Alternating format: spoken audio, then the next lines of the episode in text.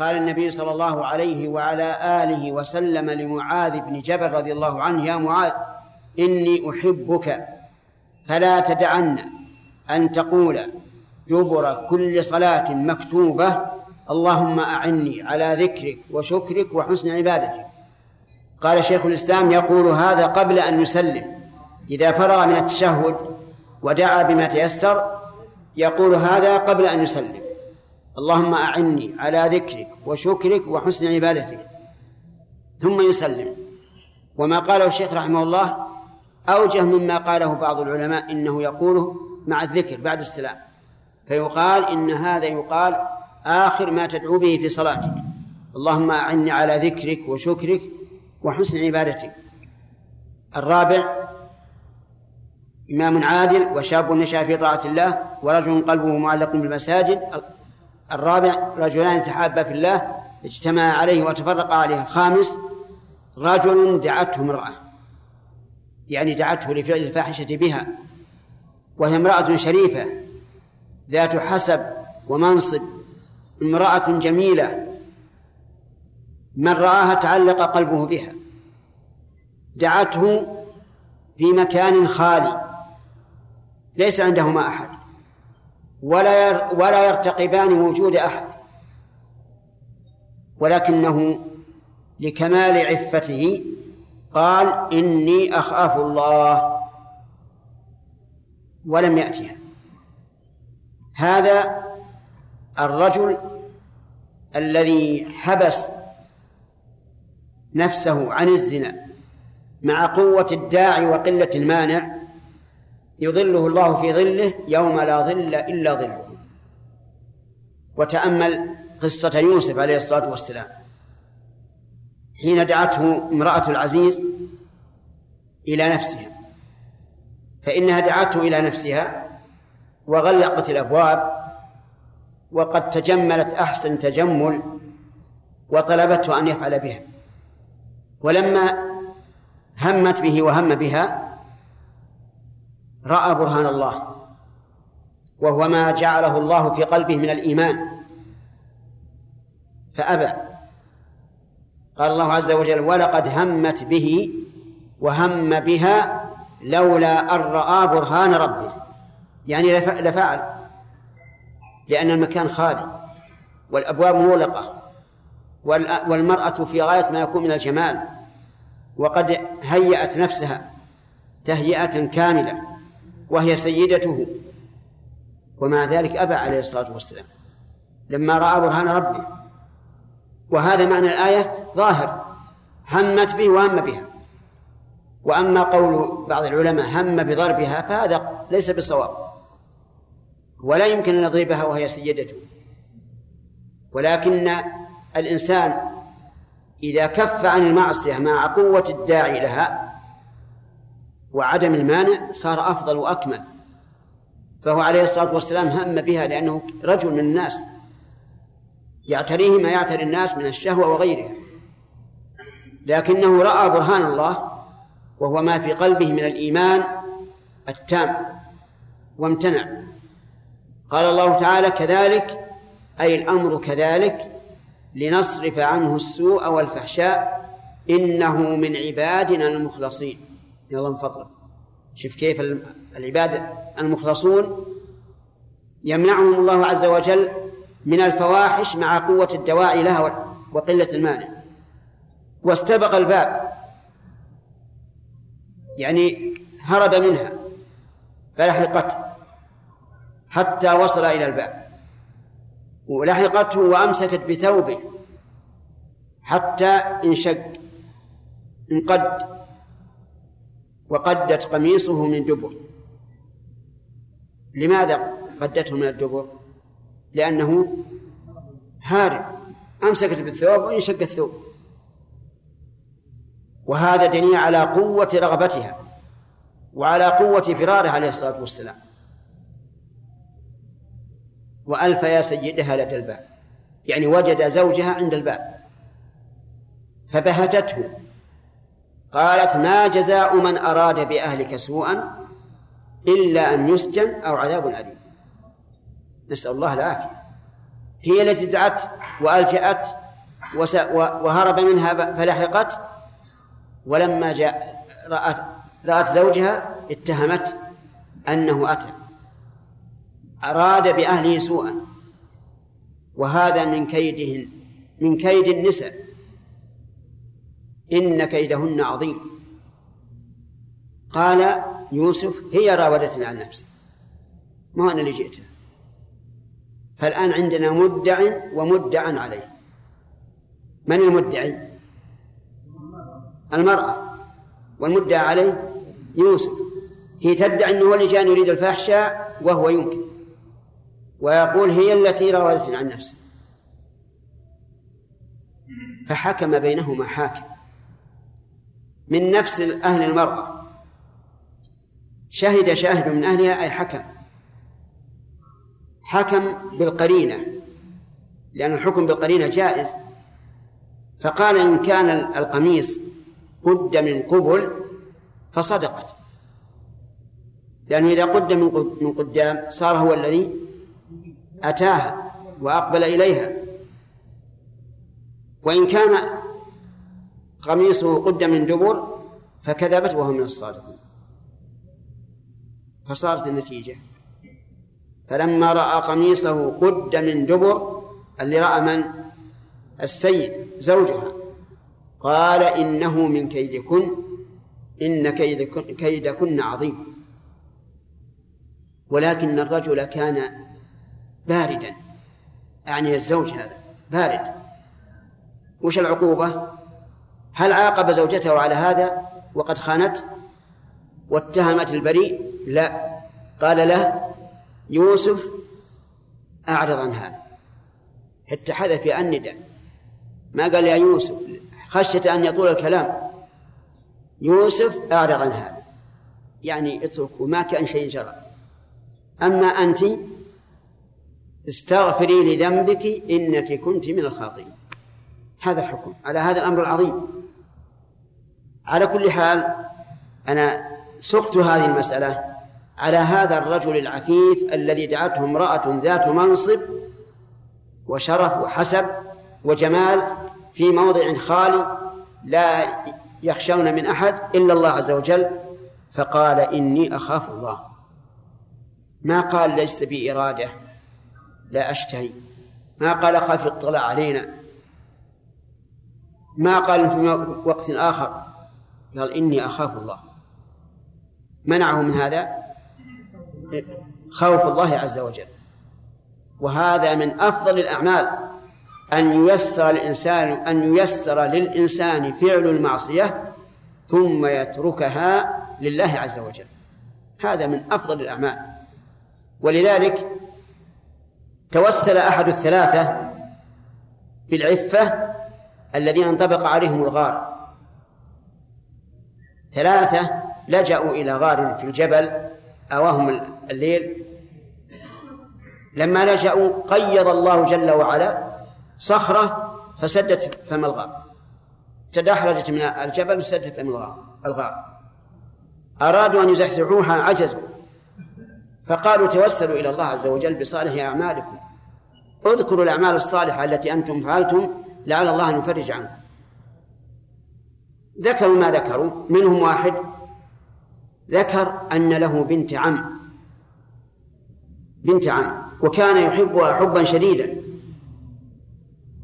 وقد راودها عن نفسه. ولكنها أبت. في سنة من السنوات ألجأتها الحاجة. وجاءت إليه. تطلب الحاجة. فراودها فأبت. ثم رجعت. لإلحاح الحاجة فمكنته من نفسها إنقاذا لحياتها. فلما جلس منها ما يجلس الرجل من امرأته قالت له اتق الله ولا تفض الخاتم إلا بحقه. فقام عنها قام عنها وهي أحب الناس إليه لكنها ذكرته بالله عز وجل. اتق الله ولا تفض الخاتم إلا بحقه فقامت تقوى لله عز وجل. فانفرجت الصخرة. ثم ذكر صاحبه كل كل واحد منهما ذكر عملا صالحا فانفرجت كل كل الصخر. الشاهد من هذا أن كمال العفة يمن الله به على من يشاء من عباده. تتيسر أسباب الزنا تيسرا تاما ولكنه يترك ذلك لله عز وجل. هذا من أفضل الأعمال ولهذا كان الرجل الذي دعته امرأة ذات منصب وجمال فقال إني أخاف الله كان من السبعة الذين يظلهم الله في ظله يوم لا ظل إلا ظله. اللهم أظلنا في ظلك يوم لا ظل إلا ظلك يا رب العالمين. بسم الله الرحمن الرحيم. الحمد لله رب العالمين والصلاة والسلام على نبينا محمد وعلى آله وصحبه أجمعين. نقل المؤلف رحمه الله تعالى عن أبي هريرة رضي الله عنه قال قال رسول الله صلى الله عليه وسلم صلاة الرجل في الجماعة تضعف على صلاته في بيته وفي سوقه خمسا وعشرين ضعفا وذلك أنه إذا توضأ فأحسن الوضوء.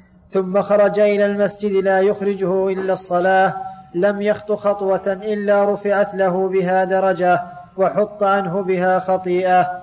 فإذا صلى لم تزل الملائكة تصلي عليه ما دام في مصلاه اللهم صل عليه اللهم ارحمه ولا يزال أحدكم في صلاة ما انتظر الصلاة.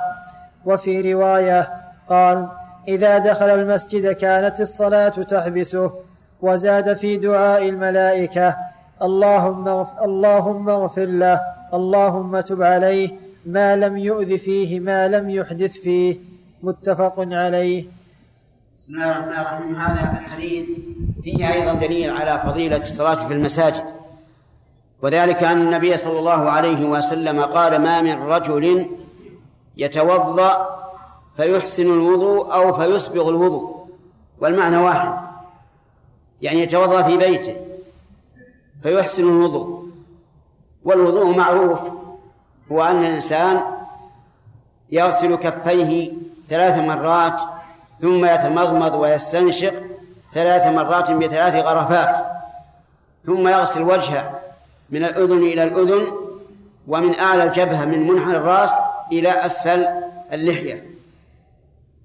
ثم يغسل يديه من أطراف الأصابع إلى المرفقين والمرفق داخل في الغسل ثم يمسح رأسه بيديه يبدأ من مقدم الرأس إلى أن ينتهي إلى آخره ثم يعود ثم يمسح أذنيه والمسح لا يكرر ولا يغسل إنما يبل الإنسان يده بالماء ثم يمسح ثم يغسل رجليه إلى الكعبين. ثلاث مرات. ثم يخرج من بيته. يقول النبي صلى الله عليه وعلى آله وسلم لا يخرجه إلا الصلاة. يعني ما خرج لبيع وشراء وغير ذلك إنما خرج من بيته إلى المسجد لا يخرجه إلا الصلاة. وهذا دليل على إخلاصه وقصده. لم يخطو خطوة يعني خطوة واحدة. إلا رفع الله له بها درجة وحط عنه بها خطيئة. يعني يكسب شيئين حصول مطلوب وزوال مرهوب. حصول المطلوب في قوله رفع الله له بها درجة. زوال المكروه حط عنه بها خطيئة. إذا يكسب شيئين كل خطوة بعد بيته أم قرب استحب بعض أهل العلم من هذا الحديث أنه ينبغي أن يقارب خطاه ولكن هذا ليس بصحيح. لأن النبي صلى الله عليه وعلى آله وسلم لما ذكر هذا لم يقل فليقرب خطاه ما استطاع. ولو كان في تقريب الخطى بعضها من بعض فضيلة لكان أول من يدل عليها من؟ رسول الله صلى الله عليه وعلى آله وسلم لأنه أنصح الخلق للخلق. لكن بعض العلماء استحسن هذا وليس بحسن. ما لم تأتي به الشريعة فليس بحسن. لكن نقول امش على عادتك. كل خطوة يرفع الله لك بها درجة ويحط عنك بها خطيئة ولا يحتاج أن تقارب الخطأ. ثم ما هو الميزان للمقاربة؟ هل معناه أن تجعل عقبك على أطراف أصابعك من الرجل الأخرى؟ لو قلنا هكذا لبقي يمشي ساعات. فإذا كان النبي صلى الله عليه وعلى آله وسلم وهو أعلم الخلق بشريعة الله وأنصح الخلق لعباد الله لم يقل قاربوا خطاكم فلن نقارب. إذا وصل إلى المسجد وصلى ما شاء الله إما تحية المسجد أو تحية المسجد والراتبة أو تحية المسجد والنفل المطلق إذا لم يكن راتبة. المهم إذا صلى وجلس ينتظر الصلاة فإنه لا يزال في صلاة ما انتظر الصلاة. لو بقي ساعة أو ساعتين وهو ينتظر الصلاة فإنه لا يزال في صلاة ولله الحمد. نعمة. سواء جلس يذكر الله أو يقرأ أو يطالع أو يتلقى علما. المهم أنه ما جلس في المسجد إلا ينتظر الصلاة فإنه لا يزال في صلاة ما انتظر الصلاة. الملائكة تصلي عليه تدعو له. تقول اللهم صل عليه اللهم اغفر له اللهم ارحمه. الملائكة عباد الله المكرمون يدعون لك إن هذا لفخر عظيم ونعمة عظيمة أن الله تعالى يسخر لك الملائكة تدعو لك. ما دمت تنتظر الصلاة إلا إذا آذى أو أحدث. إذا آذى فإن هذه الأذية توقف الأجر. سواء آذى غيره بقول أو فعل. ومن الأذية أن تجهر بقراءتك جهرا يؤذي الذين حولك. يشوش عليهم. ودليل هذا أن النبي صلى الله عليه وعلى آله وسلم خرج ذات ليلة على أصحابه وهم يصلون في رمضان. أو غير رمضان ويجهرون بالقراءة. يجهر بعضهم على بعض.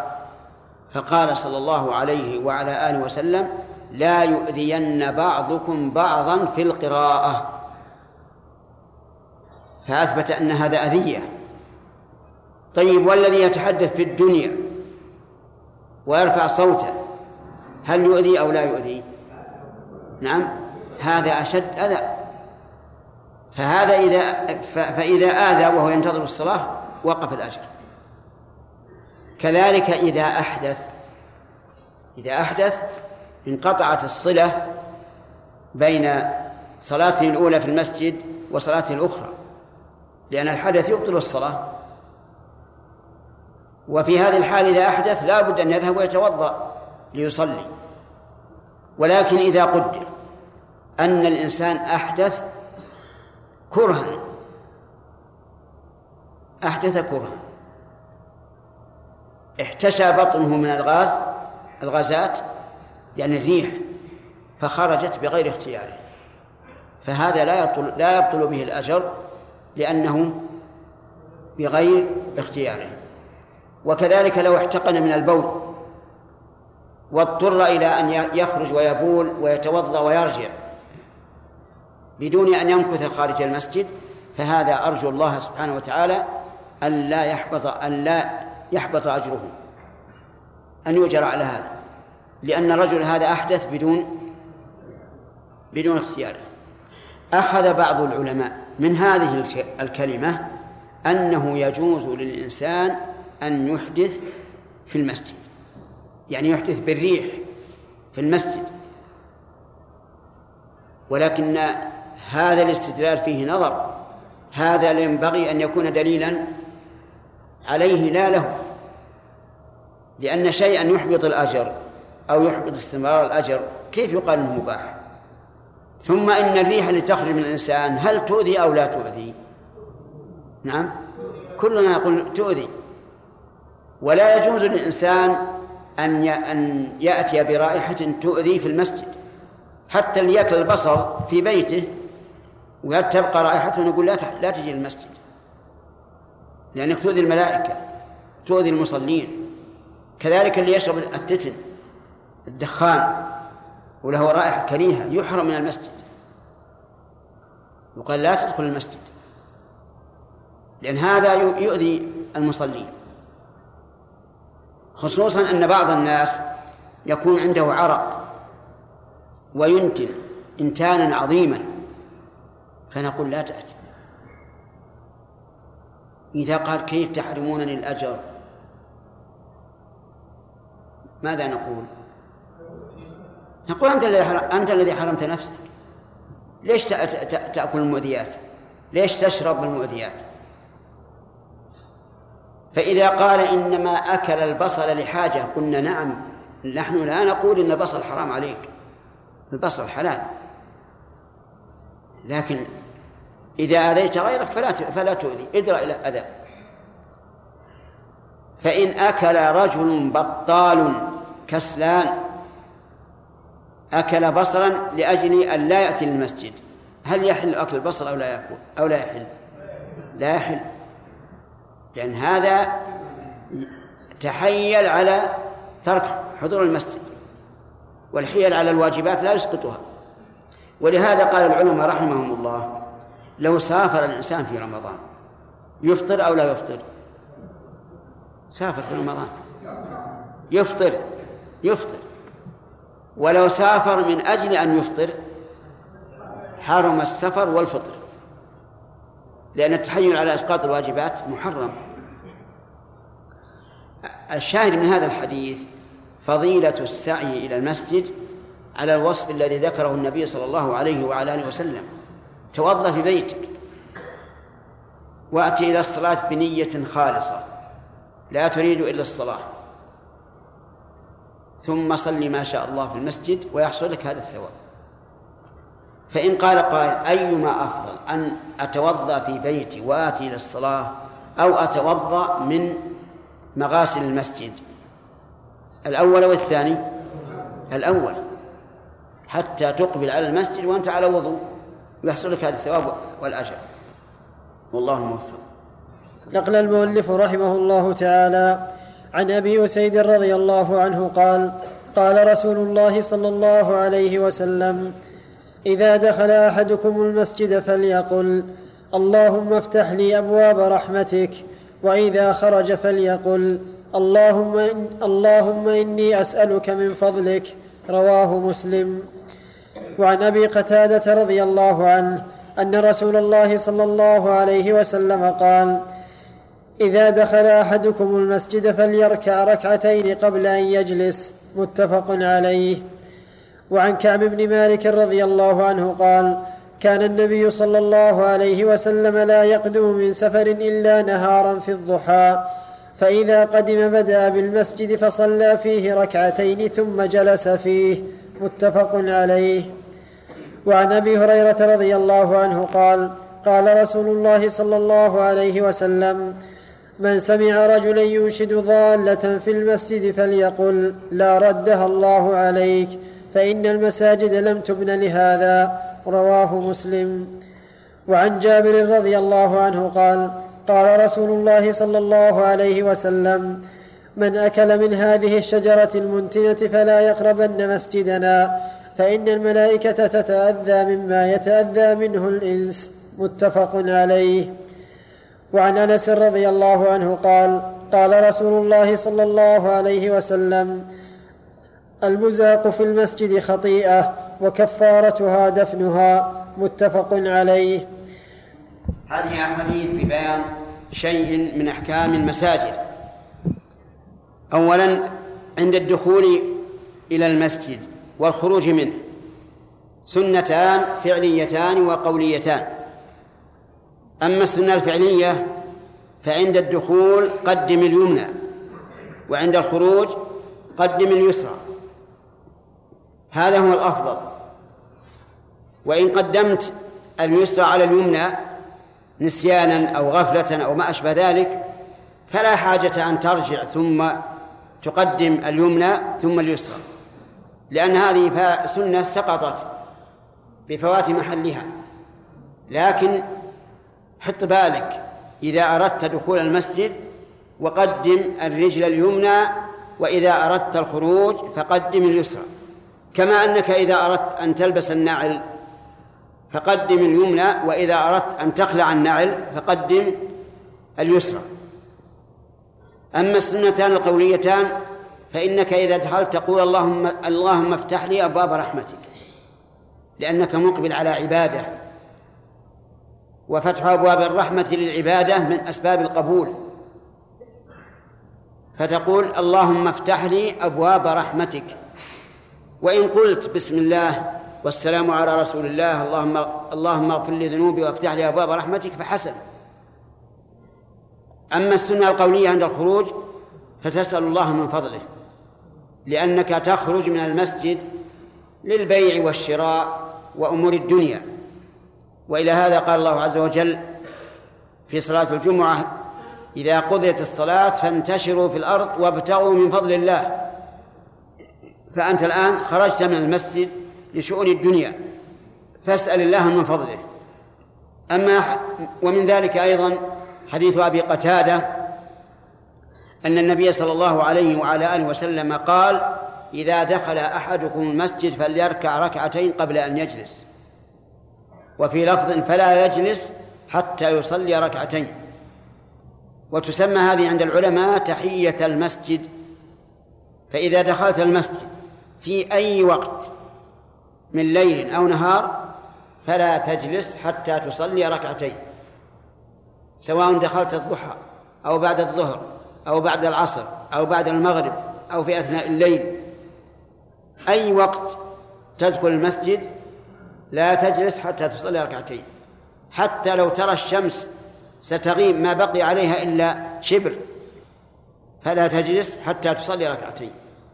وكذلك أيضا عند طلوعها لأن النبي صلى الله عليه وعلى آله وسلم أمر بذلك. واختلف أهل العلم هل هذه الصلاة واجبة أو سنة؟ فأكثر العلماء على أنها سنة. وذهب بعض العلماء إلى أنها واجبة.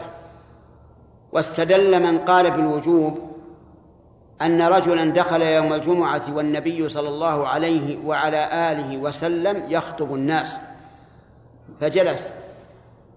فقال أصليت؟ قال لا. قال قم فصل ركعتين وتجوز فيهما. يعني لا تطول. وجه الاستدلال أن النبي صلى الله عليه وعلى آله وسلم قطع خطبته وكلم الرجل وكلمه الرجل وأمره النبي صلى الله عليه وعلى آله وسلم أن يصلي ركعتين.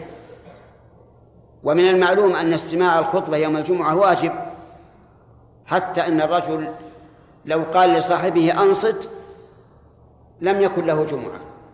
بطل أجر الجمعة في حقه قالوا ولا يمكن أن النبي صلى الله عليه وعلى آله وسلم يأمره بشيء يشغله عن الواجب إلا إلا لواجب أوجب منه. ولا شك أن هذا القول قوي جدا وأنه يخشى على من دخل المسجد ولم يصلي أن يأثم والعياذ بالله. فلا تدع تحية المسجد أبدا. في أي وقت دخلت؟ إلا مسجدا واحدا. وهو المسجد الحرام لمن دخل ليطوف فإنه يكتفي بالطواف. لأن النبي صلى الله عليه وعلى آله وسلم لما دخل المسجد الحرام ليطوف لم يصلي ركعتين بل طاف ثم صلى ركعتي الطواف بعد بعد الطواف. وهنا مسألة يفهمها الناس خطأ. وهو أن بعض الناس يظن أن تحية المسجد الحرام الطواف بالكعبة. وهذا غلط. تحية المسجد الحرام كغيره أن تصلي ركعتين. إلا إذا دخلت لتطوف فالطواف يكفي. وأما إذا دخلت للصلاة أو لطلب علم أو ما أشبه ذلك فهو كغيره من المساجد لا تجلس حتى تصلي ركعتين. استثنى من ذلك بعض العلماء الإمام يوم الجمعة إذا دخل فإنه يخطب يسلم على الناس ويجلس بدون أن يصلي ركعتين. ثم يقوم بالخطبة الأولى وإذا فرغ منها جلس ثم قام للخطبة الثانية قبل أن يصلي ركعتين. وقد يجاب عن هذا بأن الإمام إنما دخل للصلاة لكن هذا مقدمة بين يدي الصلاة فيكون تابعا لها.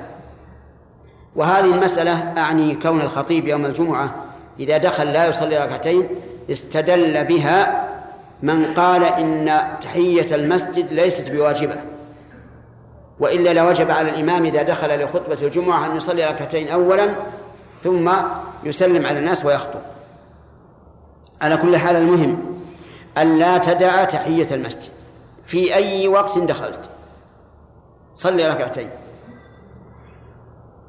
فإن قال الإنسان أرأيت لو دخل الإنسان لو دخل المسجد وهو يريد أن يوتر فصلى ثلاث ركعات هل يكفي أم لا؟ فنقول نعم يكفي لا شك. لأنه إذا أجزأ ركعتان فالثلاث من باب أولى. فإذا قال أرأيت لو أوتر بركعة واحدة؟ فهل يجزئ؟ فالجواب نعم يجزئ. ويكون قول النبي صلى الله عليه وعلى آله وسلم فليركع ركعتين بناء على الغالب. فإن قال قائل أرأيت صلاة الجنازة هل تجزئ؟ يعني لو دخل الإنسان والناس يصلون على جنازة وصلى معه. ثم جلس في المسجد. هل نقول صل ركعتين أو أو يكتفى بصلاة الجنازة؟ فالجواب لا يكتفى بصلاة الجنازة. لابد أن يصلي ركعتين إذا انتهت صلاة الجنازة لأن صلاة الجنازة ليس فيها ركوع ولا سجود. فلا تجزئ عن صلاة فيها ركوع وسجود. ثم ذكر المؤلف أحاديث أيضا في هذا الباب وهو أن الإنسان إذا سمع شخصا يبيع أو يشتري في المسجد فليدعو عليه بأن الله لا يربحه. فقال إذا سمعتم من يبيع أو يبتاع في المسجد فقولوا لا أربح الله تجارتك. وهو يسمع. كيف يدعى أن لا يربح الله تجارته وهو مسلم؟ تدعي عليه؟ الجواب نعم. أدعو عليه بأمر من؟ جيبوا يا جماعة. بأمر الرسول صلى الله عليه وسلم. تعزيرا له وتأديبا له. ليش يبيع ويشتري بالمسجد؟ المسجد ما ما بني للبيع والشراء. إنما بني للصلاة وقراءة القرآن طلب العلم وما أشبه ذلك. ومثله لو سمعت أحد يقول من عين لي الدراهم. ضاع منه دراهم بالمسجد يقول من عينها لي؟ فقل له لا ردها الله عليك. لأن المساجد لم تبنى لهذا. وأنت إذا دعوت لست ظالما بل أنت مثاب مطيع لله ورسوله. ومن هذا الباب لو أن شخصا كلم صاحب دكان في في المسجد. قال له عندك عندك رز مثلا؟ قال نعم. قال ارسل للبيت كيس رز. ما قال بيع ولا شراء. فهذا بيع. أليس كذلك؟ حرام عليه. حتى لو ما قال اشتريت منك الكيس بكذا وكذا فهو بيع. لأن صاحب الدكان سوف يبعث بالكيس إلى إلى البيت ويأخذ من هذا ثمنه. فهذا نوع من البيع فلا يحل في المسجد طيب متى يحل؟ متى يحل؟ يخرجون من المسجد اخرج من المسجد من باب المسجد وبع وشر والله الموفق نقل المؤلف رحمه الله تعالى عن أنس رضي الله عنه قال قال رسول الله صلى الله عليه وسلم البزاق في المسجد خطيئة وكفارتها دفنها متفق عليه.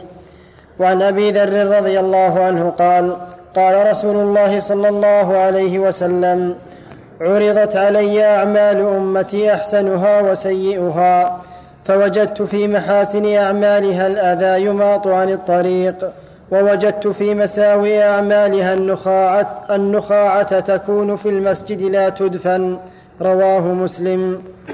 وعن أبي هريرة رضي الله عنه قال قال رسول الله صلى الله عليه وسلم إذا قام أحدكم إلى الصلاة فلا يبصق أمامه فإنما يناجي الله ما دام في مصلاه ولا عن يمينه فإن عن يمينه ملك فإن عن يمينه ملكا وليبصق عن يساره أو تحت قدمه فيدفنها.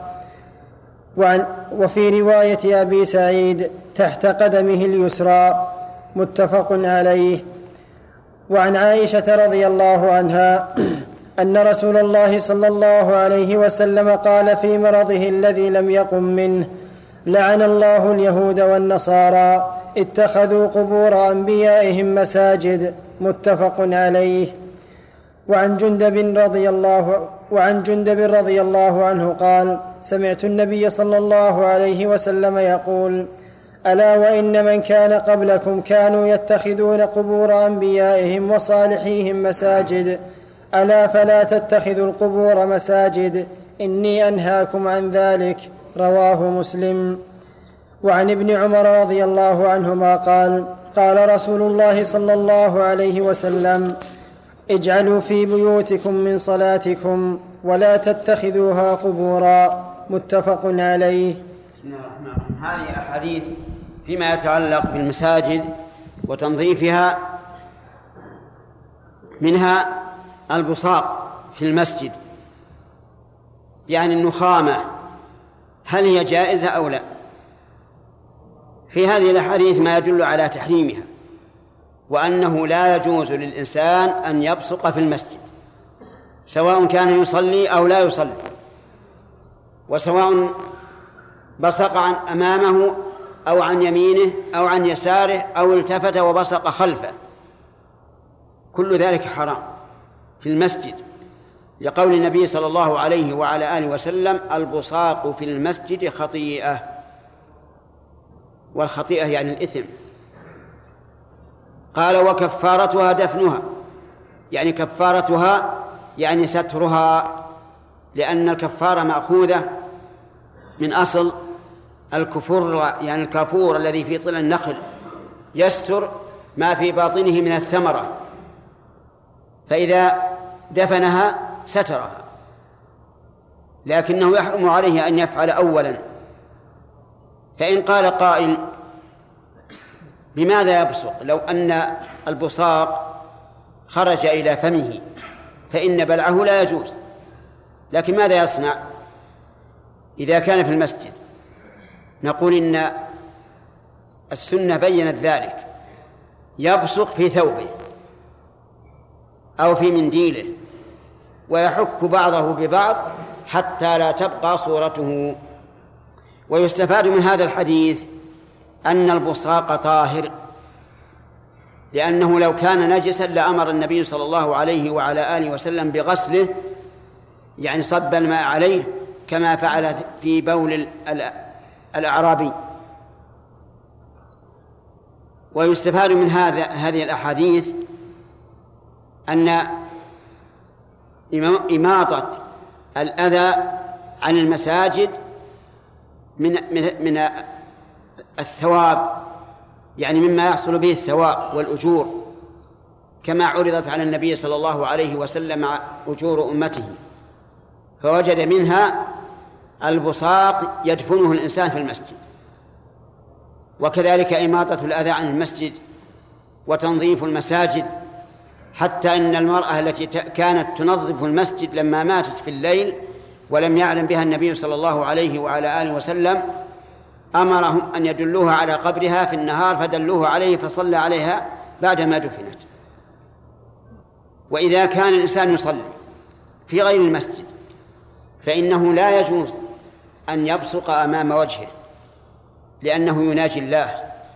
وليس من الأدب أن تبصق بين يديك وأنت تناجي ربك عز وجل. ولا تبصق عن يمينك فإن عن يمينك ملكا مكرما. ولكن عن اليسار أو تحت القدم. وكونه يبصق تحت القدم يدل على طهارة البصاق أيضا لأنه لو كان نجسا ما صح ما جاز أن يبصق تحت قدمه ويلامسه وهو يصلي وفي هذا الحديث أيضا دليل على أنه إذا كان على يمينك رجل مسلم لا تبصق عن يمينك. ولو ولو لم تكن ولو لم تكن تصلي. لأنه إذا كان البصاق عن اليمين منهيا عنه لأن عن يمينك ملكا فكذلك إذا كان عند على يمينك رجل مسلم. لأن الرجل المسلم أفضل من الملائكة عند كثير من العلماء. كما قال السفارين رحمه الله وعندنا تفضيل أعيان البشر على ملاك ربنا كما اشتهر. وإذا كان على يسارك رجل رجل وليس عن يمينك أحد فابصق عن يمينك ولا تبصق عن يسارك فيقع البصاق بين يدي صاحبك لأن له كرامة لا يجوز أن تهينه أو تذله. ولهذا قال العلماء رحمهم الله ينبغي لمن اصطحب إنسانا أن يكون عن يمينه حتى إذا احتاج إلى البصاق بصق, بصق عن يساره وليس عن يساره أحد. والله الموفق قال في مرضه الذي لم يقم منه لعن الله اليهود والنصارى اتخذوا قبور أنبيائهم مساجد متفق عليه. وعن جندب قال سمعت النبي صلى الله عليه وسلم يقول ألا وإن من كان قبلكم كانوا يتخذون قبور أنبيائهم وصالحيهم مساجد.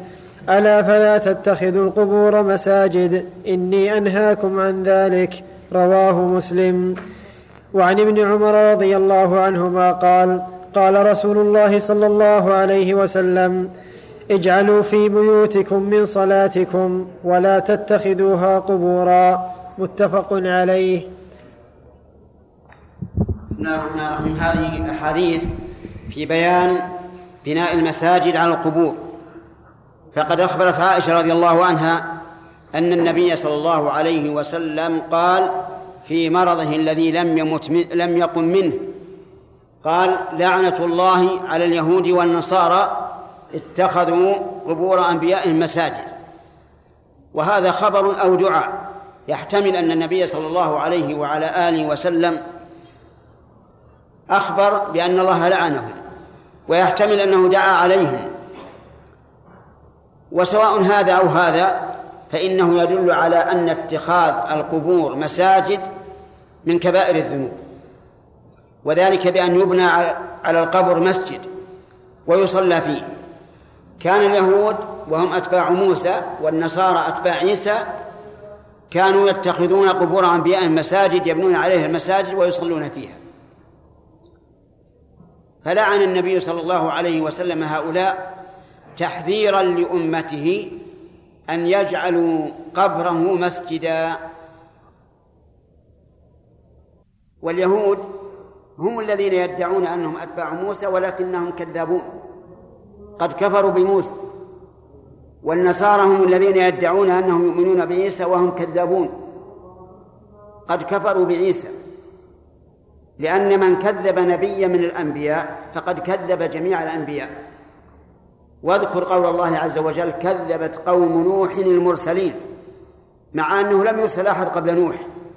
ومع هذا جعل تكذيب قومه له تكذيبا لجميع الرسل. لأن من كذب واحدا فقد كذب الجميع. كما قال الله تعالى إن الذين يكفرون بالله ورسله ويريدون أن يفرقوا بين الله ورسله ويقولون نؤمن ببعض ونكفر ببعض ويريدون أن يتخذوا بين ذلك سبيلا أولئك هم الكافرون حقا. ولهذا نقول إنما يدين به النصارى اليوم دين منسوخ أبطله الله عز وجل وإنما يدين به اليهود اليوم دين منسوخ. أبطله الله عز وجل وأن من دعا إلى وحدة الأديان فقد كفر لأنه أراد أن يجعل ما أبطله الله حقا وأن يجعل ما اختصه الله لنفسه عاما له ولغيره. فالله عز وجل رضي لعباده دينا واحدا وهو دين الإسلام. قال الله تبارك وتعالى اليوم أكملت لكم دينكم وأتممت عليكم نعمتي ورضيت لكم الإسلام دينا. وقال من يبتغي غير الإسلام دينا فلن يقبل منه. فكيف يدعى إلى توحيد الأديان؟ أين الدين القائم اليوم بعد دين غير دين الإسلام؟ لا دين. فإذا قال قائل يشكل على هذا أن قبر النبي صلى الله عليه وعلى آله وسلم اليوم في وسط المسجد. فالجواب أنه لم يتخذ مسجدا. قبر النبي صلى الله عليه وعلى آله وسلم في مقصورة وحده. لا يصلي الناس عند القبر ولا يدخلون المقصورة فليس في المسجد ولم يبنى عليه المسجد.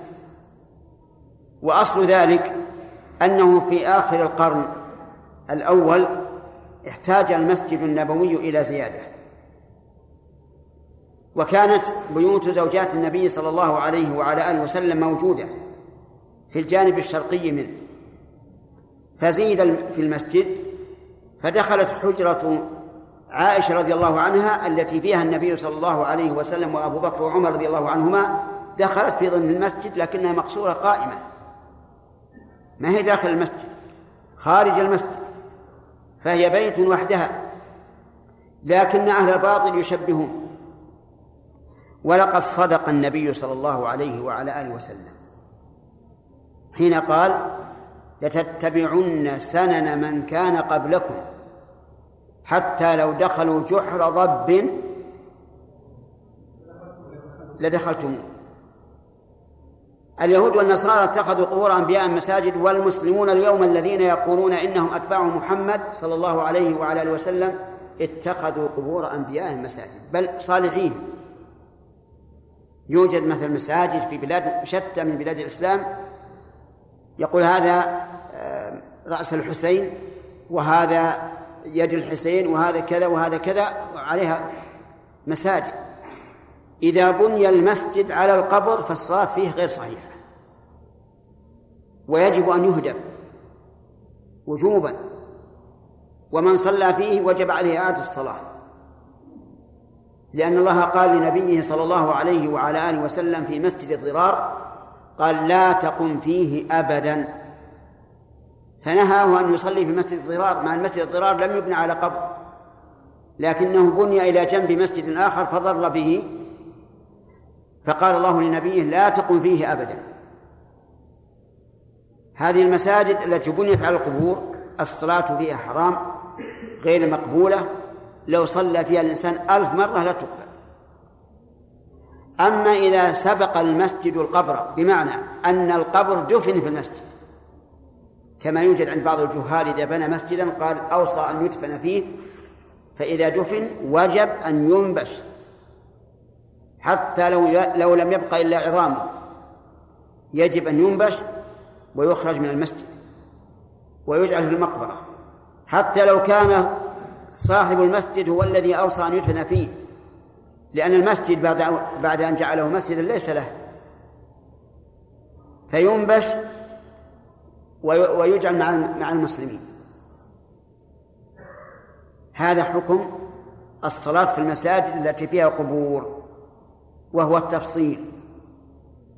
إن كان القبر سابقا على المسجد الحكم الصلاة فيه غير صحيحة. ويجب أن يهدم المسجد ولو بني بآلاف الدراهم. وإن كان المسجد سابقا ودفن فيه الميت فإنه يجب أن ينبش الميت ولو بعد سنوات ويجعل مع المسلمين. أما الصلاة فيه في هذا المسجد الذي دفن فيه الميت فإن كان الميت في القبلة لم تصح الصلاة فيه. لأن النبي صلى الله عليه وعلى آله وسلم قال لا تصلوا إلى القبور. وإن كان عن اليمين أو الشمال والخلف فالصلاة فيه صحيحة. ثم إن المساجد بنيت لذكر الله عز وجل والصلاة وقراءة القرآن وتعليم العلم فمن باع أو اشترى فالبيع باطل ومن استأجر شيئا فالأجرة باطلة ومن رهن شيئا فالرهن باطل ومن استوفى ماله على شخص فلا بأس. يعني مثلا إنسان عليه ألف ريال ووجد صاحبه في المسجد وقال يا فلان هذه ألف ريال الذي تطلبني. فهذا لا بأس به لأن هذا ليس بيعا ولا شراء وإنما هو تخليص ذمة ولا بأس به. أما البيع والشراء والتأجير والرهن فهذا لا يجوز في المساجد. والله موفق. نقل المؤلف رحمه الله تعالى عن أبي هريرة رضي الله عنه قال قال رسول الله صلى الله عليه وسلم ما بين المشرق والمغرب قبله رواه الترمذي. وعن طلق بن علي قال خرجنا وفدا إلى رسول الله صلى الله عليه وسلم فبايعناه وصلينا معه وأخبرناه أن بارضنا بيعه لنا. أن بارضنا بيعه لنا. فاستوهبناه من فضل طهوره فدعا بماء فتوضأ وتمضمض ثم صبه لنا في إداوة وأمرنا فقال اخرجوا فإذا أتيتم أرضكم فاكسروا بيعتكم وانضحوا مكانها بهذا الماء واتخذوها مسجدا. قلنا إن البلد بعيد والحر شديد والماء ينشف. فقال مدوه من الماء فإنه لا يزيده إلا طيبا. رواه النسائي. وعن عائشة رضي الله عنها قالت أمر رسول الله صلى الله عليه وسلم ببناء المسجد في الدور وأن ينظف ويطيب. رواه أبو داود والترمذي وابن ماجه. وعن ابن عباس رضي الله عنهما قال قال رسول الله صلى الله عليه وسلم ما أمرت بتشييد المساجد. قال ابن عباس لتزخرفنها كما زخرفت اليهود والنصارى. رواه أبو داود. وعن أنس قال قال رسول الله صلى الله عليه وسلم من أشراط الساعة أن يتباهى الناس في المساجد رواه أبو داود والنسائي والدارمي وابن ماجه. وعنه رضي الله عنه قال قال رسول الله صلى الله عليه وسلم عرضت علي أجور أمتي حتى القذاه يخرجها الرجل من المسجد وعرضت علي ذنوب أمتي فلم أر ذنبا أعظم من سورة من القرآن أو آية أوتيها رجل ثم نسيها. رواه الترمذي وأبو داود. الرحمن الرحيم هذه احاديث تتعلق في بناء ببناء المساجد وغيره. منها أن النبي صلى الله عليه وعلى آله وسلم قال ما بين المشرق والمغرب قبلة. وهذا يخاطب به أهل المدينة لأن أهل المدينة قبلتهم الجنوب. ليسوا كهذه البلدة. فيقول عليه الصلاة والسلام ما بين المشرق والمغرب قبلة. فالأمر واسع. يعني مثلا لو أنك اتجهت إلى القبلة وانحرفت يمينا أو يسارا فإن ذلك لا يضرك ما دمت في الجهة. والجهة ما بين المشرق والمغرب بالنسبة لأهل المدينة وكذلك بالنسبة لأهل الشام وكذلك بالنسبة لأهل اليمن وما أشبه ذلك. المهم من كانت قبلتهم الجنوب أو كانت قبلتهم الشمال فإن ما بين المشرق والمغرب قبلة قبلة لهم. أما نحن فنقول في هذه المنطقة ما بين ما بين الجنوب والشمال قبلة. فالأمر واسع. وبعض الناس يظن أنه لابد أن تتجه مئة بالمئة. وهذا متعذر. لأن لأن لأن ذلك لا يمكن إلا إذا كنت تشاهد الكعبة والكعبة لا يمكن تشاهدها. كذلك أيضا حديث عائشة أن النبي صلى الله عليه وعلى آله وسلم أمر ببناء المساجد في الدور الدور يعني الأحياء والأمر هنا للوجوب لأن بناء المساجد فرض كفاية في كل حي حتى يجتمع الناس فيها ويصلوا فيها جماعة.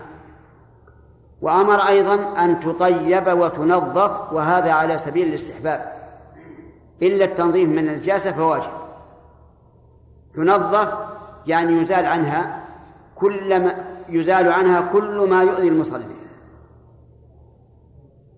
فأما النجاسة فتجب إزالتها وأما ما سواها فهو أفضل وأكمل. وأن تطيب يعني يوضع فيها الطيب وهو نوعان. البخور والدهن. أما البخور فظاهر. يأتي الإنسان بالمبخرة ويطيب المسجد. وأما الدهن فمن المعلوم أنه لا يمكن أن يصب الإنسان الطيب فيها صبا ولكن من الممكن أن يرى إلى أقرب ما يكون المصلين ويضع فيه طيب. إما في منديل أو ما أشبه ذلك مما تكون تفوح به الرائحة. وأما حديث ابن عباس في المساجد فإن النبي صلى الله عليه وعلى آله وسلم قال ما أمرت بتشييد المساجد. يعني وضع الأصباغ فيها والنقوش وما أشبه ذلك. قال ابن عباس والله لتزخرفنها كما زخرفت اليهود والنصارى. وهو إشارة إلى أن المساجد لا ينبغي أن يوضع فيها شيء يزخ... نعم شيء مزخرف تطلى بشيء لا يلفت النظر ولا يجعل فيها كتابات ولا يجعل فيها نقوش لأن كل هذا من صنيع اليهود والنصارى ونحن مأمورون بمخالفته وما يوجد في بعض المساجد ما يكتب على المحراب وما أشبه ذلك من الكتابات فإنه خلاف السنة. وهو أقل أحوالها الكراهة وبعضه قد يصل إلى التحريم. مثلا نجد في بعض المساجد يكتب الله كلمة الله على اليمين يمين المحراب وكلمة محمد عن يسار المحراب. هذا حرام يجب تجب إزالته. لأن هذا من جعل الند لله عز وجل. فإن من لا يعرف الله ولا محمدا إذا رأى هذين الاسمين ظن أنهما في منزلة واحدة. هذا الله وبحذائه محمد عليه الصلاة والسلام. يعني وزنه. هذا من من جعل الند لله عز وجل. ولهذا لما قال رجل ما شاء الله وشئت للنبي صلى الله عليه وعلى آله وسلم قال أجعلتني لله ندا. ما شاء الله بل ما شاء الله وحده. وأقبح من ذلك أو مثل أو دونه من يكتب على المحراب كلما دخل عليها زكريا المحراب وجد عندها رزقا. أنا ما أدري هؤلاء هم يظنون مريم هنا؟ هذا أيضا غلط. تحريف للقرآن. لأن المحراب في القرآن يعني موضع الصلاة. وليس هو الطوق الذي الذي يكون في القبلة كما هو المتعارف. فوضع الآية في هذا في هذا المكان أولا إنه مكروه لأنه يلهي المصلين ومن تشييد المساجد. وثانيا أنها صرفت الآية إلى غير معناها فهو تحريف لكلام الله عز وجل. المهم أن المساجد لا تزخرف العجب أن بعض الناس قال أليس الإنسان إذا بنى بيتا زخرفه؟ الجواب بلى. يقول بيت الله أحق. سبحان الله. بيت الله ليس للدنيا. بيت الله للعبادة. وكلما كان الأمر هينا سهلا يسيرا كان أخشع وأقرب إلى إلى إلى أن يكون الإنسان محضرا في صلاته غير متلهم بشيء. فعلى كل حال المساجد لا تزخرف. المساجد لا يكتب فيها شيء. غاية ما هنالك إن كتب يكتب على الباب من الظاهر دعاء الدخول وعلى الباب من الداخل دعاء الخروج حتى يتفطن الإنسان. أو إذا كان شيء غير موق... إذا كان شيء مؤقتا مثلا إلقاء محاضرة في هذا المسجد أو ما أشبه ذلك هذا لا بأس به لأنه يوضع في قرطاس ويزال. فالواجب احترام المساجد وإزالة الأذى عنها والعناية بها دون زخرفتها والمباهاة فيها. ولهذا قال النبي صلى الله عليه وعلى آله وسلم لا تقوم الساعة حتى يتباهى الناس في المساجد أن يتسابقون أي المسجد أبهى من الآخر. فيقول مثلا الواحد ما الله مسجد فلان أبهى وأجمل وأحسن نقوش من المسجد الثاني. أسأل الله تعالى أن يوفقنا لما يحب ويرضى وأن يجنبنا ما يسخطه ويغضبه إنه على كل شيء قدير. آله وصحبه أجمعين. نقل المؤلف رحمه الله تعالى عن بريدة رضي الله عنه قال قال رسول الله صلى الله عليه وسلم بشر المشائين في الظلم إلى المساجد بالنور التام يوم القيامة. رواه الترمذي وأبو داود. وعن أبي سعيد الخدري رضي الله عنه قال قال رسول الله صلى الله عليه وسلم إذا رأيتم الرجل يتعاهد المسجد فاشهدوا له بالإيمان فإن الله يقول إنما يعمر مساجد الله من آمن بالله واليوم الآخر. رواه الترمذي وابن ماجة والدارمي. وعن عثمان بن مضعون رضي الله عنه أنه قال يا رسول الله ائذن لنا في الاختصاء. فقال رسول الله صلى الله عليه وسلم ليس منا من خصى ولا اختصى إن خصاء أمة الصيام. فقال ائذن لنا في السياحة. فقال إن سياحة أمة الجهاد في سبيل الله. فقال إئذن لنا في الترهب. فقال إن ترهب أمة الجلوس في المساجد انتظارا للصلاة. رواه في شرح السنة. وعن عبد, وعن عبد الرحمن بن عائش قال قال رسول الله صلى الله عليه وسلم رأيت ربي عز وجل في أحسن صورة. قال فبما يختصم الملأ الأعلى؟ قلت أنت أعلم. قال فوضع كفه بين كتفي فوجدت بردها بين ثديي فعلمت ما في السماوات والأرض وتلا. وكذلك نري إبراهيم ملكوت السماوات والأرض وليكون من الموقنين. رواه الدارمي مرسلا. وعن ابن عباس ومعاذ بن جبل وزاد فيه قال يا محمد هل تدري فيما يختصم الملأ الأعلى؟ قلت نعم في الكفارات والكفارات المكث في المساجد بعد الصلوات والمشي على الأقدام إلى الجماعات وإبلاغ الوضوء في المكاره فمن فعل ذلك عاش بخير ومات بخير وكان من خطيئته كيوم ولدته أمه وقال يا محمد إذا صليت فقل اللهم إني أسألك فعل الخيرات وترك المنكرات وحب المساكين. وإذا أردت بعبادك فتنة فاقبضني إليك غير مفتون. قال والدرجات إفشاء السلام وإطعام الطعام والصلاة بالليل والناس نيام. ولفظ هذا الحديث كما في المصابيح لم أجده عن عبد الرحمن إلا في شرح السنة. وعن أبي أمامة قال قال رسول الله صلى الله عليه وسلم ثلاثة كلهم ضامن على الله. رجل خرج غازيا في سبيل الله فهو ضامن على الله حتى يتوفاه فيدخله الجنة أو يرده بما نال من أجر أو غنيمة.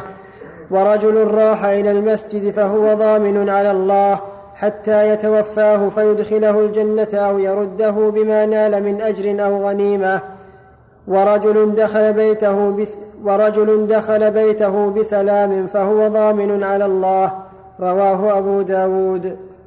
وعنه رضي الله عنه قال قال رسول الله صلى الله عليه وسلم من خرج من بيته متطهرا إلى صلاة مكتوبة فأجره كأجر الحاج المحرم. ومن خرج إلى تسبيح الضحى لا ينصبه إلا إياه فأجره كأجر المعتمر. وصلاة على إثر صلاة لا لغو بينهما كت وصلاة على إثر صلاة لا لغو بينهما كتاب في عليين. رواه أحمد وأبو داود. وعن أبي هريرة رضي الله عنه قال قال رسول الله صلى الله عليه وسلم إذا, مررت إذا مررتم برياض الجنة فارتعوا. قيل يا رسول الله وما رياض الجنة؟ قال المساجد. قيل وما الرتع يا رسول الله؟ قال سبحان الله والحمد لله ولا إله إلا الله والله أكبر. رواه الترمذي. وعنه رضي الله عنه قال قال رسول الله صلى الله عليه وسلم من أتى المسجد لشيء فهو حظه. رواه أبو داود. وعن فاطمة بنت الحسين عن جدتها فاطمة الكبرى رضي الله عنهم قالت كان النبي صلى الله عليه وسلم إذا دخل المسجد صلى على محمد وسلم وقال رب اغفر لي ذنوبي وافتح لي أبواب رحمتك. وإذا خرج صلى على محمد وسلم وقال رب اغفر لي ذنوبي وافتح لي أبواب فضلك. رواه الترمذي وأحمد وابن ماجة وفي روايتهما قالت إذا دخل المسجد وكذا إذا خرج. قال بسم الله. والسلام على رسول الله. بدل صلى بدل صلى على محمد وسلم. وعن هذه الأحاديث كلها غالبها ضعيف تحتاج إلى تحرير وسنتكلم عنها إن شاء الله في المستقبل. وفي آخر الحديث الأخير أنه ينبغي لمن دخل المسجد أن يقول بسم الله والصلاة والسلام على رسول الله اللهم اغفر لي ذنوبي وافتح لي أبواب رحمتك وإذا خرج قال بسم الله والصلاة والسلام على رسول الله اللهم اغفر لي ذنوبي وافتح لي أبواب فضلك. لأنه إذا دخل إنما دخل ليصلي يرجو رحمة الله عز وجل. وإذا خرج إنما خرج ليبتغي من فضل الله بالتجارة والعمل. فيقول اللهم اغفر لي ذنوبي وافتح لي أبواب فضلك. فحافظ على هذا الذكر لأنه خير فعله النبي صلى الله عليه وعلى آله وسلم. والله موفق. نقل المؤلف رحمه الله تعالى في سياق الأحاديث في باب المساجد ومواضع الصلاة. عن عمرو بن شعيب عن أبيه عن جده قال نهى رسول الله صلى الله عليه وسلم عن تناشد الأشعار في المسجد وعن البيع والاشتراء فيه وأن يتحلق الناس يوم الجمعة قبل الصلاة في المسجد. رواه أبو داود والترمذي. وعن أبي هريرة رضي الله عنه قال قال رسول الله صلى الله عليه وسلم إذا رأيتم من يبيع أو يبتاع في المسجد فقولوا لا أربح الله تجارتك. وإذا رأيتم من ينشد وإذا رأيتم من ينشد فيه ضالة فقولوا لا رد الله عليك رواه الترمذي والدارمي. وعن حكيم بن حزام قال نهى رسول الله صلى الله عليه وسلم أن يستقاد في المسجد وأن ينشد فيه الأشعار وأن تقام فيه الحدود. رواه أبو داود في سننه. وعن معاوية بن قرة عن أبيه أن رسول الله صلى الله عليه وسلم نهى عن هاتين الشجرتين يعني البصل والثوم وقال من أكلهما فلا يقربن مسجدنا وقال إن كنتم لا بد آكليهما فأميتوهما طبخا. رواه أبو داود. وعن أبي سعيد قال قال رسول الله صلى الله عليه وسلم الأرض كلها مسجد إلا المقبرة والحمام. رواه أبو داود والترمذي والدارمي. وعن ابن عمر قال نهى رسول الله صلى الله عليه وسلم أن يصلى في سبعة مواطن. في المزبلة والمجزرة والمقبرة وقارعة الطريق وفي الحمام وفي معاطن الإبل وفوق ظهر بيت الله رواه الترمذي وابن ماجه. وعن أبي هريرة رضي الله عنه قال قال رسول الله صلى الله عليه وسلم صلوا في مرابض الغنم ولا تصلوا في أعطان الإبل. رواه الترمذي. وعن ابن عباس رضي الله عنهما قال لعن رسول الله صلى الله عليه وسلم زائرات القبور والمتخذين عليها المساجد والسرج. رواه أبو داود والترمذي والنسائي. بسم الله الرحمن الرحيم. هذه أحاديث في أحكام متعددة من أحكام المساجد. منها النهي عن البيع والشراء في المسجد. لا بالقليل ولا بالكثير. لا بالتجارة ولا بالحاجة. فلا يجوز للإنسان أن يبيع شيئا في المسجد ولو قلم رصاص ولو كان لحاجة. وإذا احتاج إلى ذلك فليخرج عن المسجد وليحصل وليبع ويشتري عند الباب.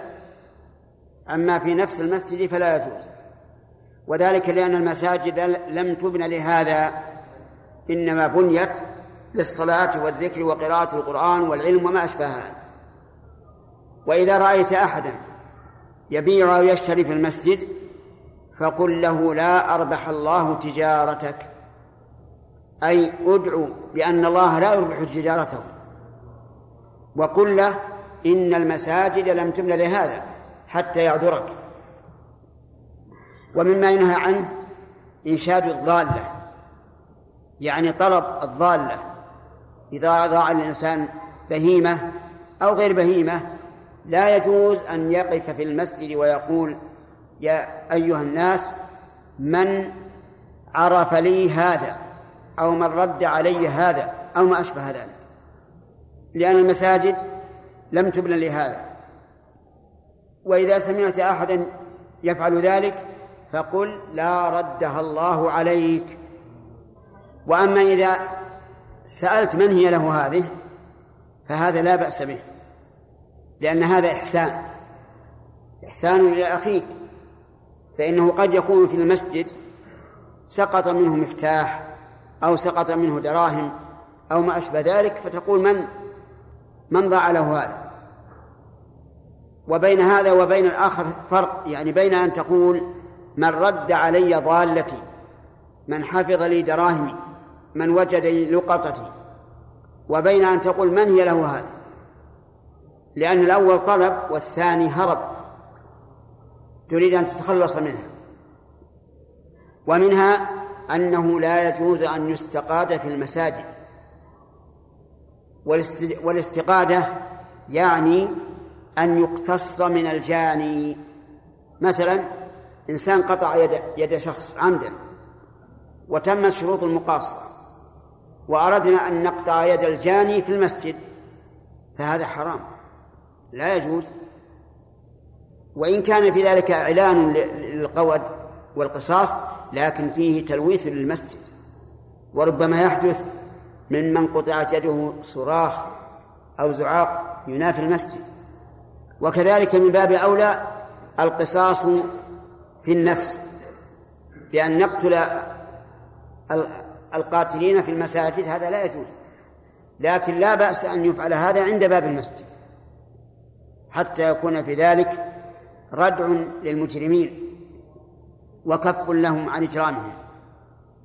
ومن ذلك أي مما ينهى عنه في المساجد إنشاد الأشعار. إنشاد الأشعار والمراد بها الأشعار التي تشتمل على الغزل وعلى المعاني السافلة. وأما إنشاد الأشعار التي بها ذكر الحروب والقصص النافعة وما أشبه ذلك فلا بأس بها. لأن حسان بن ثابت رضي الله عنه كان ينشد الشعر في مسجد النبي صلى الله عليه وعلى آله وسلم. ومر به عمر بن الخطاب رضي الله عنه ذات يوم وهو ينشد. فلحظ إليه. وقال قد كنت أنشد وفيه من هو خير منك. يعني رسول الله صلى الله عليه وعلى آله وسلم. كذلك أيضا لا يجوز إنشاد الأشعار في المساجد إذا كان هذا يؤدي إلى التشويش على المصلين أو على القارئين لأن ذلك أذية لهم. وقد مر النبي صلى الله عليه وعلى آله وسلم على أصحابه وهم يصلون ويجهر بعضهم في قراءته فقال صلى الله عليه وعلى آله وسلم كلكم يناجي ربه فلا يؤذين بعضكم بعضا في القراءة. فنهاهم. لأن ذلك إيذاء للمسلمين. وأما بقية الأحاديث فنتكلم عليها إن شاء الله فيما يستقبل. والله موفق.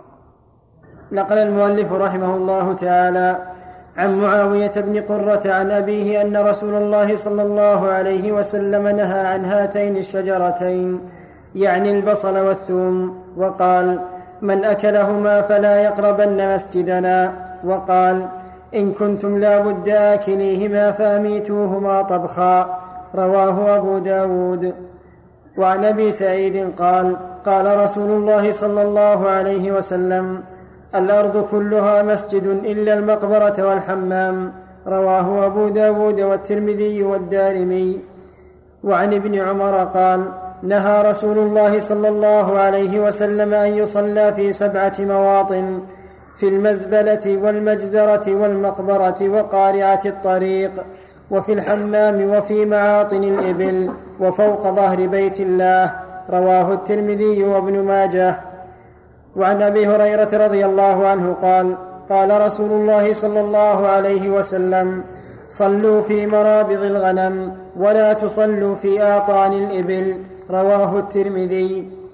وعن ابن عباس رضي الله عنهما قال لعن رسول الله صلى الله عليه وسلم زائرات القبور والمتخذين عليها المساجد والسرج. رواه أبو داود والترمذي والنسائي. وعن أبي أمامة قال إن حبرا من اليهود سأل النبي صلى الله عليه وسلم أي البقاع خير؟ فسكت عنه وقال أسكت حتى يجيء جبريل فسكت. وجاء جبريل عليه السلام فسأل فقال ما المسؤول عنها بأعلم من السائل؟ ولكن أسأل ربي تبارك وتعالى. ثم قال جبريل يا محمد إني دنوت من الله دنوا ما دنوت منه قط. قال وكيف كان يا جبريل؟ قال كان بيني وبينه سبعون ألف حجاب من نور. فقال شر البقاع أسواقها وخير البقاع مساجدها. هذه أحاديث في في بيان ما يتعلق بالمساجد. منها أن النبي صلى الله عليه وعلى آله وسلم نهى من أكل البصل أو الثوم أن يأتي إلى المسجد. حتى كان الرجل يأتي إلى المسجد وقد أكل البصل والثوم فيخرجونه من المسجد إلى البقيع. وذلك لأنهما أي هاتين الشجرتين شجرتان خبيثتان يعني كريهتان. وريحهما يؤذي الملائكة ويؤذي من في المسجد من بني آدم. فإن كان الناس في صلاة فمعلوم أن الرجل إذا أتى وهو أكل البصل والثوم سيؤذي المصلين ويؤذي الملائكة. وإن لم يكن في المسجد أحد من بني آدم فإنه يؤذي الملائكة. ولهذا لا يدخل المسجد من أكل بصلا أو ثوما أو فجلا أو غيرها من ذوات الرائحة الكريهة لا في وقت الصلوات ولا في غيرها. ومثل ذلك من كان فيه إصنان أي رائحة كريهة في رأسه أو في إبطه أو في أنفه أو في فمه مما يؤذي فإنه لا يدخل المسجد لأنه يؤذي الملائكة. وكذلك أيضا بعض الذين يشربون الدخان فإنه يكون لهم رائحة كريهة في ثيابهم وفي أفواههم وفي شعورهم فلا يدخلون المسجد. فإن قال قائل لو رأينا شخصا رائحته كريهة دخل المسجد هل لنا أن نخرجه؟ فالجواب نعم لنا أن نخرجه. ولكن هل نخرجه بعنف أو نتلطف في إخراجه وندعوه مثلا ونقول يا فلان إن لك رائحة كريهة فلا تبقى في المسجد؟ الجواب حسب حال الرجل. إن علمنا أنه من المعاندين فإننا ننهره بشدة. وإن كان رجلا يبدو عليه الجهل والغباوة فالأولى ألا ألا نشدد عليه ولكن نأخذ بيده ونخرجه من المسجد ونقول يا فلان لا تدخل المسجد لأنك إن دخلت أنت فأنت آثم. فإن قال قائل هل أكل البصل والثوم وما أشبه ذلك حرام؟ فالجواب لا. ليس حراما. بدليل أن النبي صلى الله عليه وعلى آله وسلم لما فتح خيبر وكان الناس جياعا بدأوا يأكلون من البصل ويأكلون من غيره من ذوي الرائحة الكريهة. فنهى النبي صلى الله عليه وسلم عن ذلك فقالوا حرمت حرمت. قال ليس بي تحريم ما أحل الله. فصرح النبي صلى الله عليه وسلم أنهما حلال. فإن قال قائل هل يجوز للإنسان أن يأكلهما قرب الصلاة لئلا يذهب إلى المسجد؟ فالجواب لا. إذا كان أكلهما لإسقاط واجب فحرام عليه وعليه الإثم. أما إذا أكلهما لاشتهاء لأنه اشتهاهما أو لمرض فيه ثم بقيت الرائحة حتى جاء وقت الصلاة فلا فلا يصلي. وفي هذا الحديث وفي الحديث إشارة إلى أنه إذا كان ولا بد, ولا بد أن يأكلهما فإنه يميتهما طبخا.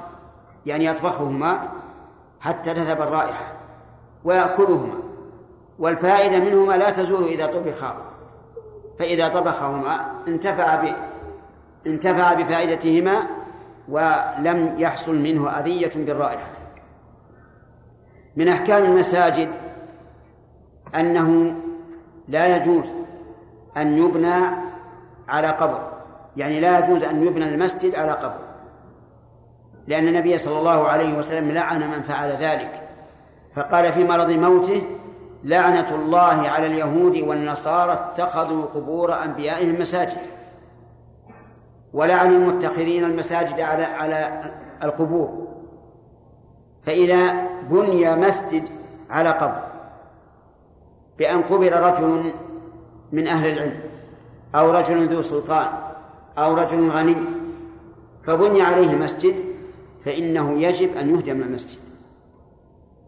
ولو صلى ولو صلى فيه أحد لم تصح صلاته لأنه أسس على غير التقوى.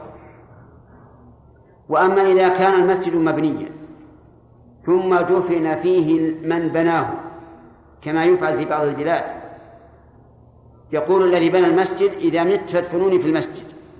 يظن أن هذا ينفعه وليس بنافعه. فإنه يجب أن ينبش القبر ويخرج المدفون ويدفن مع الناس. حتى لو مضى عليه أسبوع أو شهر أو سنة يجب أن ينبش ويدفن مع الناس. فإن كان لا يمكن فهل تصح الصلاة في هذا المسجد؟ الجواب نعم تصح في هذا المسجد لأنه وضع بحق لكن لا يكون القبر في في قبلة الناس. يجعلون القبر على اليمين أو على اليسار أو أو في الخلف. لأن النبي صلى الله عليه وعلى آله وسلم قال لا تصلوا إلى القبور. وفي هذا الحديث النبي صلى الله عليه وسلم لعن زائرات القبور. دليل على أن المرأة لا يحل لها أن تزور المقابر. فإن فعلت فهي ملعونة آثمة غير مأجورة. لكن لو مرت بالمقبرة دون أن تخرج من بيتها لقصد الزيارة فلا حرج أن تقف وتسلم عليهم. الممنوع أن تخرج للزيارة. وأما إذا لم تقصد فلا بأس. كذلك قولهم متخذين عليها السرج يعني معناه أن يوضع سراج على القبر. لأن هذا من تعظيم القبر التعظيم الذي لا يجوز. ولا ينبغي أيضا أن أن يجعل في في المقبرة أعمدة الكهرباء حتى وإن لم تكن على القبر نفسه. لئلا يتخذ هذا وسيلة إلى أن تتخذ السرج على القبور. ويكفي أن يكون مع الناس إذا أراد الدفن ليلا سراج أو إتريك مثلا أو ما أشبه ذلك. وأما أن توضع أعمدة تنار في وسط المقبرة فلا. والله موفق هو بمنزلة الرجل ينظر إلى متاع غيره. رواه ابن ماجة والبيهقي في شعب الإيمان.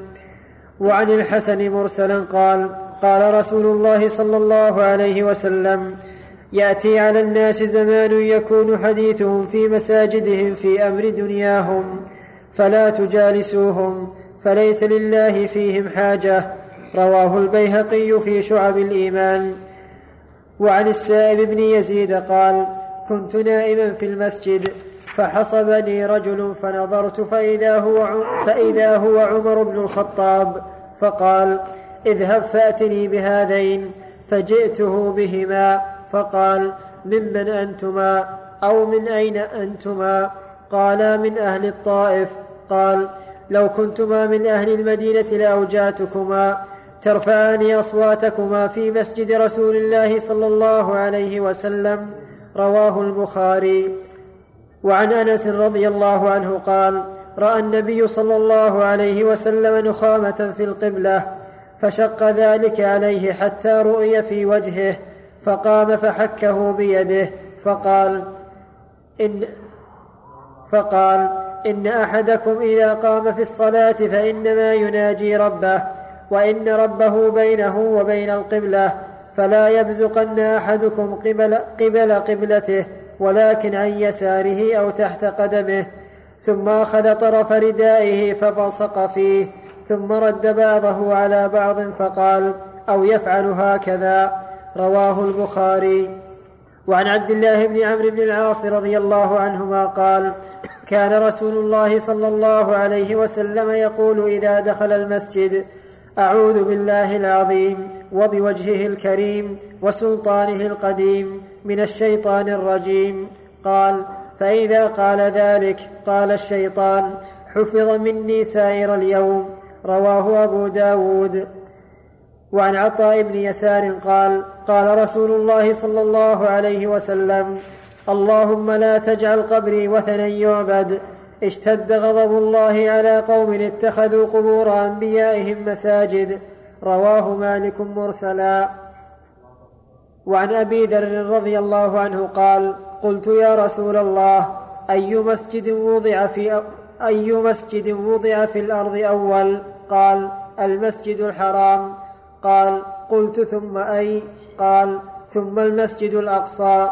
قلت, قلت كم بينهما؟ قال أربعون عاما. ثم الأرض ثم الأرض لك مسجد فحيثما أدركتك الصلاة فصل. متفق عليه. الرحمن الرحيم هذه أحاديث في أحكام المساجد.